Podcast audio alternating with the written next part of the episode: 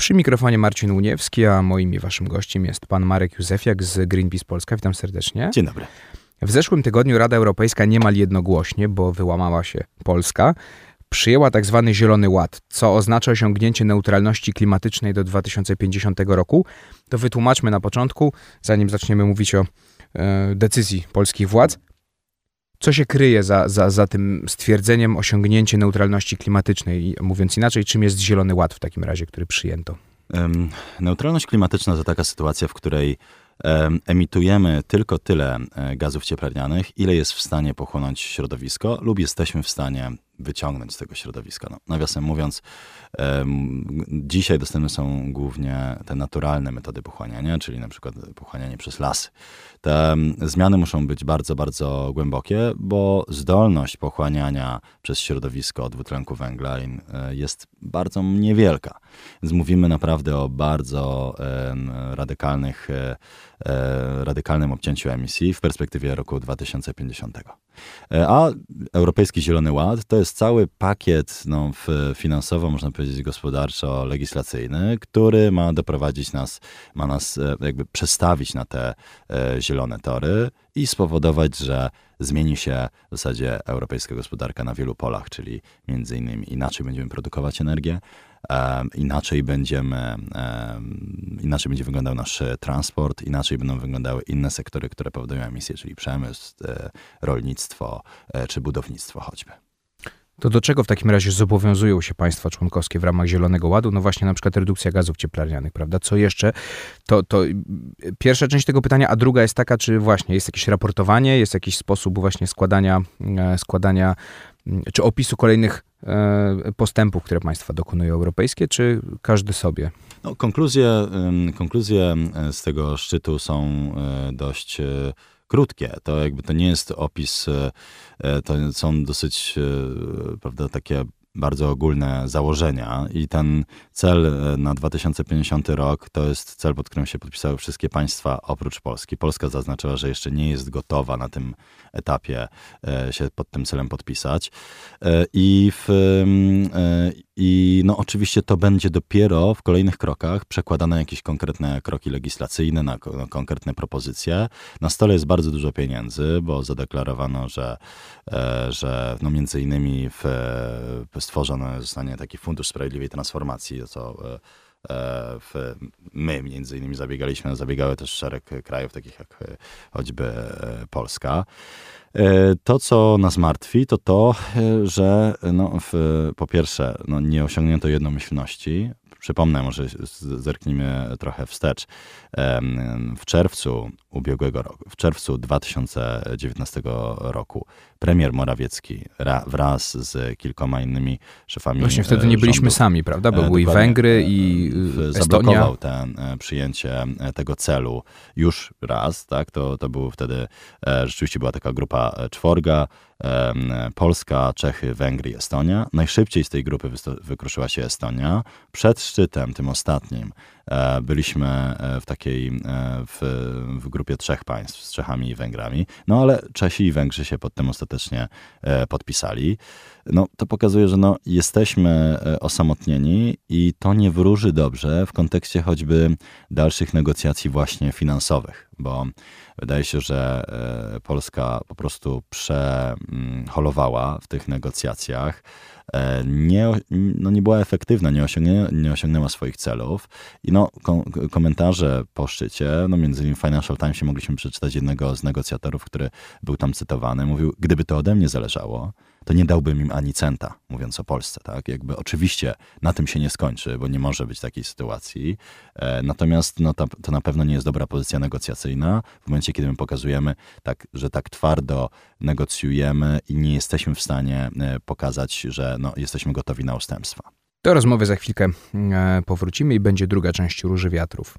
Przy mikrofonie Marcin Uniewski, moim i waszym gościem jest e, Marek Józefiak z Greenpeace Polska, a rozmawiamy o mm, tak zwanym Zielonym Ładzie, czyli programie, który zakłada osiągnięcie neutralności klimatycznej do 2050 roku, programie, który przyjęła Rada Europejska niemal jednogłośnie. No właśnie Polska się wyłamała z, z przyjęcia tego ładu. Podczas negocjacji premier Morawiecki co prawda nie zawetował całego planu, No ale tak jak też pan już powiedział, stwierdził, że Polska nie będzie go realizowała w tych ramach narzuconych przez Unię Europejską. My sami, jak powiedział pan premier, dojdziemy do tej neutralności. Czym argumentuje to nasz rząd? Bo pada takie enigmatyczne twierdzenie o historycznych i strukturalnych uwarunkowaniach. Jakie są argumenty, mówiąc bardziej wprost, Czy, rządu trzeba polskiego? Trzeba też troszeczkę zdemitologizować to, co mówi premier Morawiecki, bo to jest rzeczywiście narracja rządu. Natomiast to wcale nie wynika z tych konkluzji jasno, że my będziemy dochodzić do tego celu e, w takim, e, w takim czy innym e, tempie. Z, z tych konkluzji wynika w zasadzie tylko tyle, że tą jakby e, to podjęcie decyzji w tej kwestii odroczono o kilka miesięcy i wrócimy do tego w czerwcu po wyborach prezydenckich zapewne, tak? Więc to e, jest jedna kwestia. To oczywiście, co mówi premier Morawiecki, to jest już zupełnie inna e, kwestia i premier Morawiecki mówi, no, że to nie jest nasza wina, że mamy tyle węgla w miksie. No, Pytam, jakby kto nam, kto Polsce wyznacza miks energetyczny? Krasnoludki? No nie. Znaczy to wyznaczają w Polsce politycy. To politycy um, prowadzą politykę energetyczną w Polsce, bo nasza, nasz system, nasz rynek energetyczny składa się z czterech głównych graczy. Można powiedzieć e, oligopolu spółek kontrolowanych przez Skarb Państwa. I e, oczywiście, czy to jest tylko wina e, rządów Prawa i Sprawiedliwości? Nie. No to się składa wiele, wiele e, złych decyzji na przestrzeni lat, które spowodowały, że ta transformacja energetyczna była, można powiedzieć, celowo wstrzymywana, bo gdyby to o tym decydował rynek, to na pewno nie powstałyby elektrownie, które e, przeforsował przykładowo premier Donald Tusk kilka lat temu, tak? czyli dwa bloki w elektrowni Opole, e, elektrownia Jaworzno, nowy blok, elektrownia w Turowie, w Kozienicach. Tak? To było wszystkie, to było wszystko e, już decyzje podejmowane w momencie, kiedy wiadomo było, że energetyka węglowa jest de facto martwa i, i może tylko nas w, w, wpuścić w głębsze tarapaty. Widzimy to już dzisiaj, to znaczy e, no, mamy ogromne problemy z kosztem energii, wytwarzania z energii węglowej. E, większość krajów Unii Europejskiej już dawno podjęła decyzję o tym, że odchodzi od węgla i wyznaczyła sobie konkretną datę. No my niestety dalej budujemy, idziemy w węgiel. Jakby zupełnie politycy ignorują te trendy, które są w Europie, ale też trendy, które są w naszej gospodarce. W ciągu ostatnich czterech lat wydobycie węgla kamiennego spadło o 10 milionów ton, to jest prawie 15%. I w tym tempie jakby no jednocześnie o dwa, dwójpółkrotnie wzrósł import węgla. E, głównie jest to węgiel rosyjski. Rosji. Mhm. Więc e, jakby widać wyraźnie, że no, są pewne trendy, które politycy niestety e, ignorują i tak nas pchają w tym węglowym kierunku. No to jest po prostu węglowy zaułek i no, pojawia się szansa, żebyśmy z tego zaułka w końcu wybrnęli i miejmy nadzieję, że pod, tą, pod tymi konkluzjami Polska się w końcu podpisze i uzyskamy te środki na, na sprawiedliwą transformację. To ja troszkę takim adwokatem diabła będąc zapytam, co w takim razie, bo to jest też argument, który pada ze strony przeciwników odchodzenia od węgla, czy szybkiego odchodzenia od węgla, no co z górnikami, co z rodzinami, mówimy o y, tysiącach czy dziesiątkach tysięcy ludzi, no bo z kopalnią są związane często całe rodziny, czy z przemysłem węglowym. Właśnie, czy jest jakaś alternatywa? Czy z tych pieniędzy unijnych na przykład można by było tych ludzi przekwalifikować, żeby gdzieś indziej pracowali? Musimy pamiętać, że dzisiaj energetyka węglowa to nie jest e, tak duży sektor, jak e, jeszcze było w latach 90., gdzie kilkaset tysięcy ludzi było zatrudnionych e, w tym, w tym sektorze.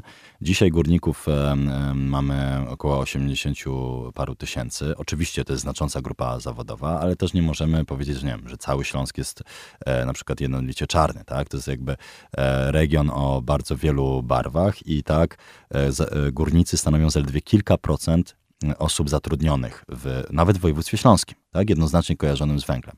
Natomiast, jakby, jakby mając to w pamięci i to, że na przykład na e, Śląsku bezrobocie jest niższe niż, e, niż średnio w kraju, no oczywiście są potrzebne e, pieniądze na to, żeby dokonać transformacji tych regionów górniczych, bo to nie tylko Śląsk, ale choćby Wielkopolska, gdzie już dzisiaj zamykane są elektrownie e, na węgiel brunatny, czy okolice Bełchatowa, gdzie tego się należy spodziewać w ciągu 10 e, lat, maksymalnie kilkunastu. I teraz tak, no, tak, trzeba wymyślić te regiony na nowo. Takim sposobem może być choćby właśnie rozwijanie zielonych technologii. Wszelkie raporty eksperckie pokazują, że w związku z transformacją w energetyce będzie więcej miejsc pracy. One nie będą się pokrywać jeden do jednego z tymi obecnymi e, regionami górniczymi, ale no możemy jakby świadomą polityką, na to nakierowaną, e, tak tym sterować, żeby jak najwięcej miejsc pracy powstawało tam, gdzie te e, miejsca będą, miejsc pracy będzie ubywać. To może być choćby elektromobilność, mamy do tego kompetencje, ale też choćby właśnie te zielone technologie pompy ciepła, czy wszelkie rzeczy mające na celu nas przełożyć na, na zielone tory w energetyce cieplnej i, i tej elektroenergetyce. Do rozmowy za chwilkę powrócimy. Trzecia część Róży Wiatrów. Marcin Muniewski mm, przy mikrofonie. Moim i waszym gościem jest pan Marek Józefiak z Greenpeace Polska.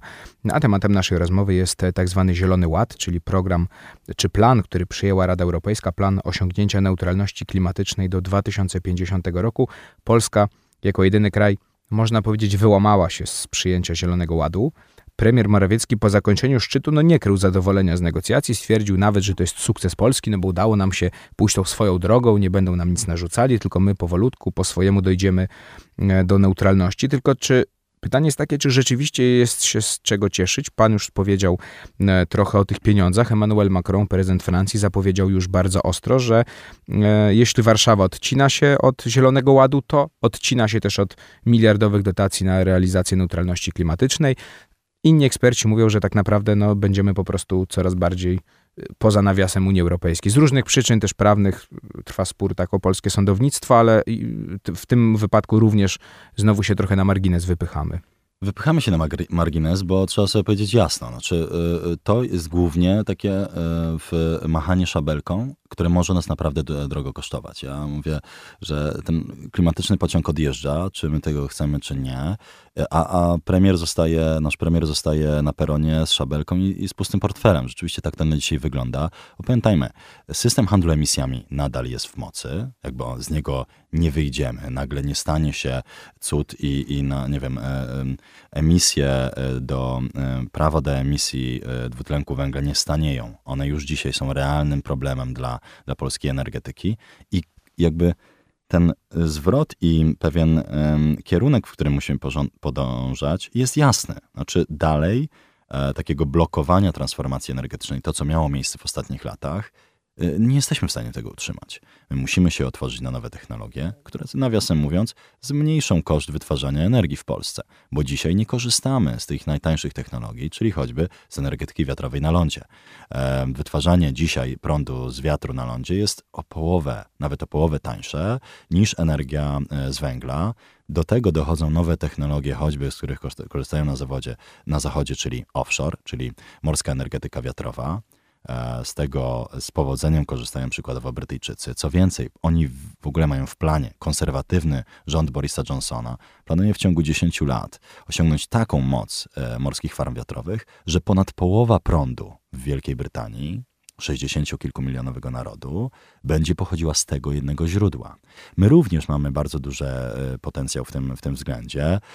Na, na Bałtyku może, mogą powstać farmy wiatrowe o mocy mm, 30 gigawatów, no powiem dzisiaj cały nasz system energetyczny to 40 kilka gigawatów, czyli naprawdę potencjał jest ogromny, tylko trzeba odblokować e, tą skostniałą energetykę i otworzyć się na transformację. Czy decyzja Polski osłabi w jakiś sposób realizację neutralności klimatycznej w całej Unii Europejskiej? No bo pojawiają się takie komentarze, że rozbijamy jedność Unii tuż po zakończeniu szczytu, ważnego szczytu klimatycznego Unii Europejskiej. Czy może to jest tak, że e, no, Polska tego nie zawetowała, więc tak naprawdę e, wszystko będzie się toczyło swoim, swo, swoją drogą, no a my właśnie będziemy na uboczu, czy to spowolni cały proces? To jest bardzo zły sygnał. Przede wszystkim w kontekście e, globalnej polityki klimatycznej. W przyszłym roku będą się toczyły ważne rozmowy na linii Unia Europejska-Chiny. I my działamy w Chinach, my działamy w Indiach, Rosji, Australii, we wszystkich e, największych e, gospodarkach światowych, które też są największymi trucicielami klimatu. E, Chiny są największym, e, można powiedzieć, emitentem dwutlenku węgla. Unia Europejska jest trzecim graczem. Tak?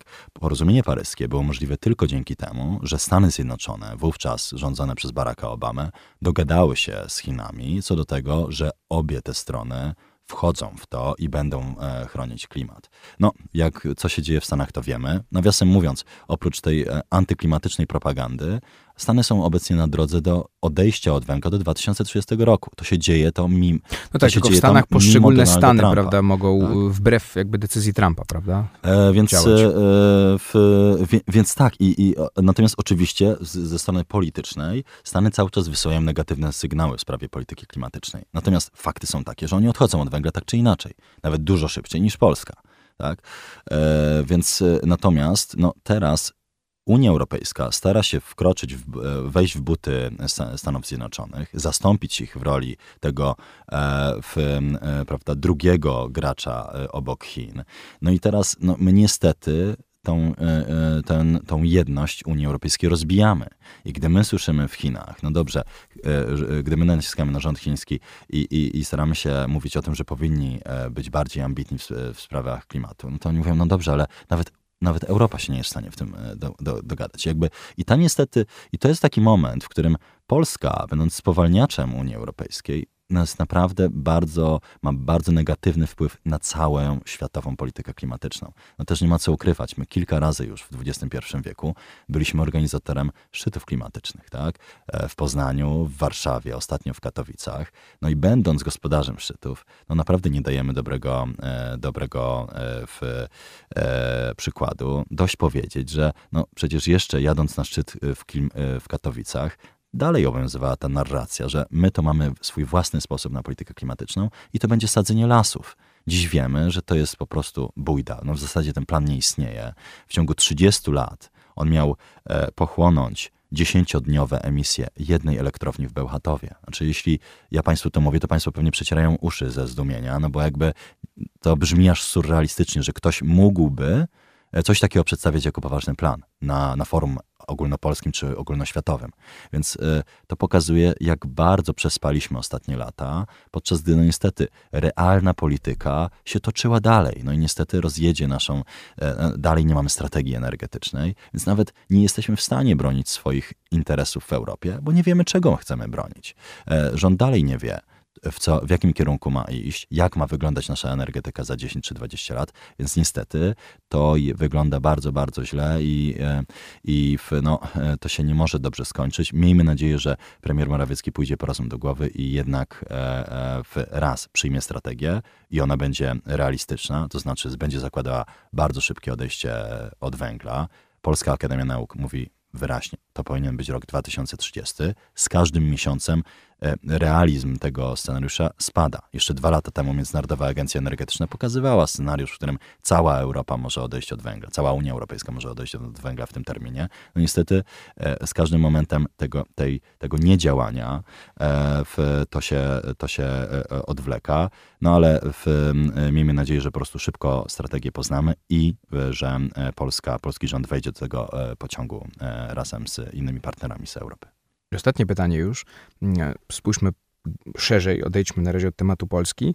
Edwin Bendyk z Polityki e, w jednym ze swoich artykułów zwraca uwagę, że takim najczęstszym, najczęstszym zarzutem wobec całego Zielonego Ładu jest to, że okej, okay, wy jako Unia Europejska coś robicie, tylko co z tego, jak na przykład Chiny, które są jednym z największych emitentów gazów cieplarnianych, no nie robią z tym praktycznie nic, a drugi zarzut taki, że te przedsiębiorstwa, które na przykład produkują najwięcej, najwięcej mm, e, e, gazów cieplarnianych, przeniosą się na przykład na globalne południe, e, swoje siedziby, swoje fabryki i tam będą dalej zanieczyszczały powietrze i zwiększały efekt cieplarniany. No, to jest, y, oczywiście są częste, często spotykane zarzuty, natomiast trzeba powiedzieć sobie jasno, e, a propos pierwszego pytania, e, to nie Chiny zaczęły rewolucję przemysłową, rewolucja przemysłowa zaczęła się w Europie. W Polsce pierwsza kopalnia powstała w Chiny dość późno się dołączyły. W latach 60. XVIII wieku. My węgiel spalamy 250 lat. E, I Chiny o, kilkanaście, tak? I jakby, jeśli my dzisiaj im e, mówimy, no nie, wy nie możecie się rozwijać, no to, e, że tak powiem, no, to my wyglądamy na hipokrytów, tak? To Unia, to Stany Zjednoczone, to kraje e, globalnej północy muszą pokazać przywództwo w sprawie ochrony klimatu, e, bo to my jesteśmy najbardziej winni. Dzisiaj polskie emisje to 11 ton na głowę, średnio na świecie to 6,7 jakby liczby mówią same. Znaczy, my nie mamy prawa moralnego kogokolwiek w tej sprawie pouczać. Dość powiedzieć, że od lat 60. E, no, emisje były bardzo duże w Polsce i, i emitowaliśmy w czasach PRL kilkanaście ton. Więc jeszcze więcej niż dzisiaj. E, no nie mamy za bardzo prawa, po prostu. Druga sprawa jest taka, oczywiście, to jest jakby realny problem, co jeśli emisje będą wyciekać, tak? To znaczy my będziemy prowadzić ambitną politykę klimatyczną w ramach Unii, a, a cały świat e, nie. I tutaj na szczęście pojawił się bardzo rozsądny pomysł podatku węglowego na granicach Unii. I to jest część właśnie e, konkluzji Rady Europejskiej. I to jest rzecz, którą trzeba wprowadzać. To znaczy, to jest realne narzędzie, które może spowodować, być, być takim twardym e, e, narzędziem, żeby mobilizować Chiny do, do bardziej ambitnych działań i inne miejsca na świecie. Ale pamiętajmy, Chiny dzisiaj, udział węgla w chińskiej gospodarce jest mniejszy niż w, gospodarce polskiej. My pro, produkujemy prawie 80% energii z węgla, a oni około 70%. Więc nawet na tym poziomie no, no, naprawdę nie mamy argumentów, e, żeby w tym e, temacie dyskutować. Natomiast oczywiście to, co może skłonić e, Chiny do, do jakichś bardziej ambitnych działań, to posiadanie w tej sprawie partnera, jakim będzie silna Unia Europejska. Marek Józefiak, Greenpeace Polska, dziękuję bardzo za rozmowę. Dziękuję ja się z wami żegnam. Dodam tylko, że słyszymy się po świętach już, bo następna środa to e, 25, o ile się nie mylę, grudnia, więc pierwszy dzień świąt. W takim razie od razu z tego miejsca składam wam wszystkim słuchaczom wesołych życzenia, wesołych i e, zdrowych świąt. No i słyszymy się w takim razie za dwa tygodnie.